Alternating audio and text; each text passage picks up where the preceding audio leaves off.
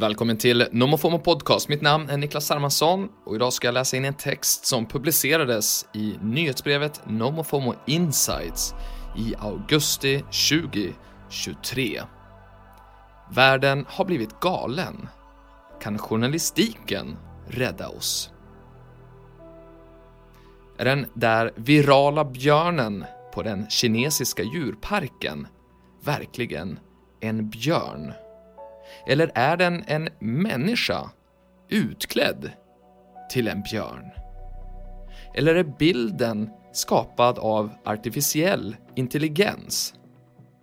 Det blir ju allt svårare att skilja sanning från fiktion. Snart kan endast journalistiken rädda oss från att bli galna. Men frågan är, kommer journalistiken att överleva AI-revolutionen? Det ser ju inte så ut. Användandet av generativ AI ökar explosionsartat bland världens alla innehållsskapare.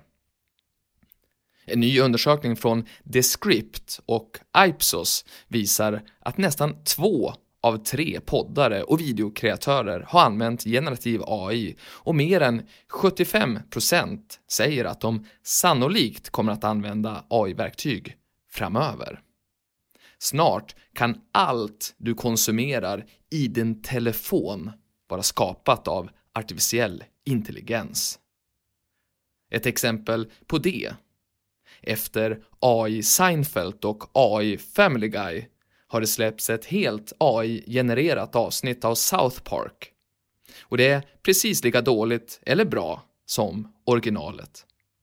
Men framförallt var det otaktiskt av teamet bakom nya AI South Park att släppa ett robotproducerat tv-program samtidigt som manusförfattarna i USA strejkade. Inte heller Netflix visade på någon eh, vidare fingertoppskänsla när de nyligen utlyste en AI-specialisttjänst med 10 miljoner kronor i årslön samtidigt som manusförfattarna alltså strejkade. Journalistiken då? Ja, de senaste månaderna har vi sett en rad alarmerande och stundtals skrämmande beslut om AI-satsningar på redaktioner jorden runt.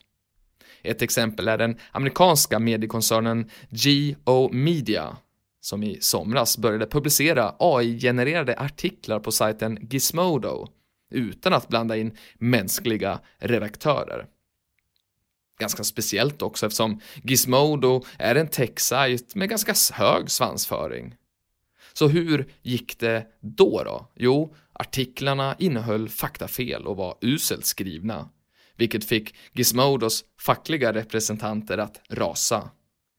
De tycker att satsningen är oetisk eftersom artiklarna sprider missinformation och de plagierar mänskliga skribenter och äventyrar på så sätt tidningens rykte. Samtidigt i Sverige så släppte Dagens Nyheter en misstänkt AI-genererad annonsbilaga som innehöll mängder av märkliga faktafel och bilder.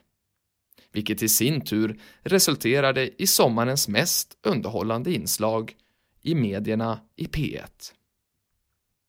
Men Indien ska ju ofta vara värst. Där försöker man inte ens dölja användandet av generativ AI. Under våren har flera redaktioner ersatt programledarna i tv-sända nyhetsprogram med chattbottar som drar dagens rubriker innan de lämnar över ordet till journalister som diskuterar nyheterna. I ett land som har 22 officiella språk så finns det ju såklart stora fördelar med att automatisera innehållsproduktioner. Men jag tror inte att Sverige är riktigt redo att byta ut Jenny Strömstedt och Katarina Sandström mot AI Jenny och AI Katarina. Vi har dock bara sett början av AI-revolutionen. Alla ska ju med, förr eller senare. Därför pitchar Google just nu ett sprillans nytt AI-verktyg för mediejättarna i USA. Ett verktyg som ska hjälpa journalisterna skapa journalistik på nya sätt.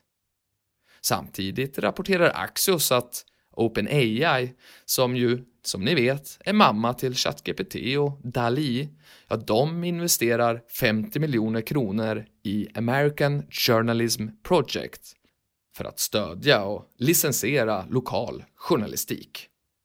Det låter bra. Kanske kan nyhetsmedierna tjäna på att samarbeta med Big Tech den här gången. Det skulle i så fall vara första gången så vitt jag vet i alla fall.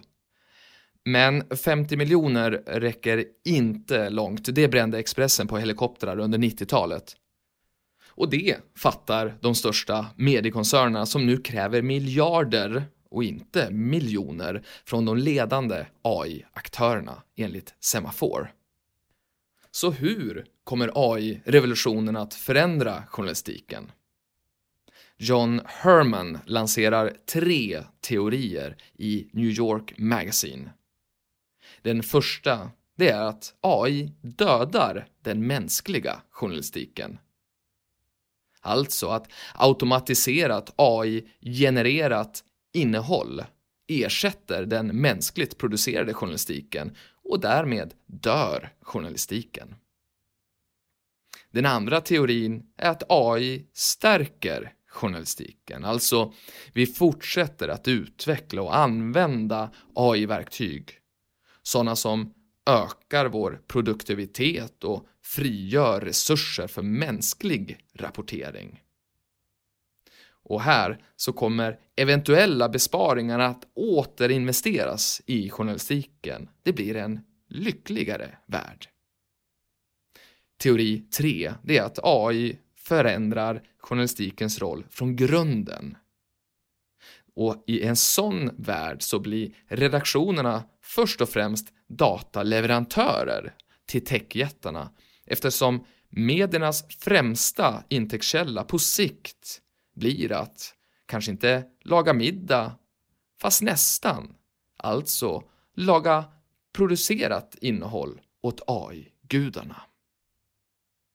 Vi får väl se hur det slutar. Tack för att du lyssnar. Vi hörs snart igen.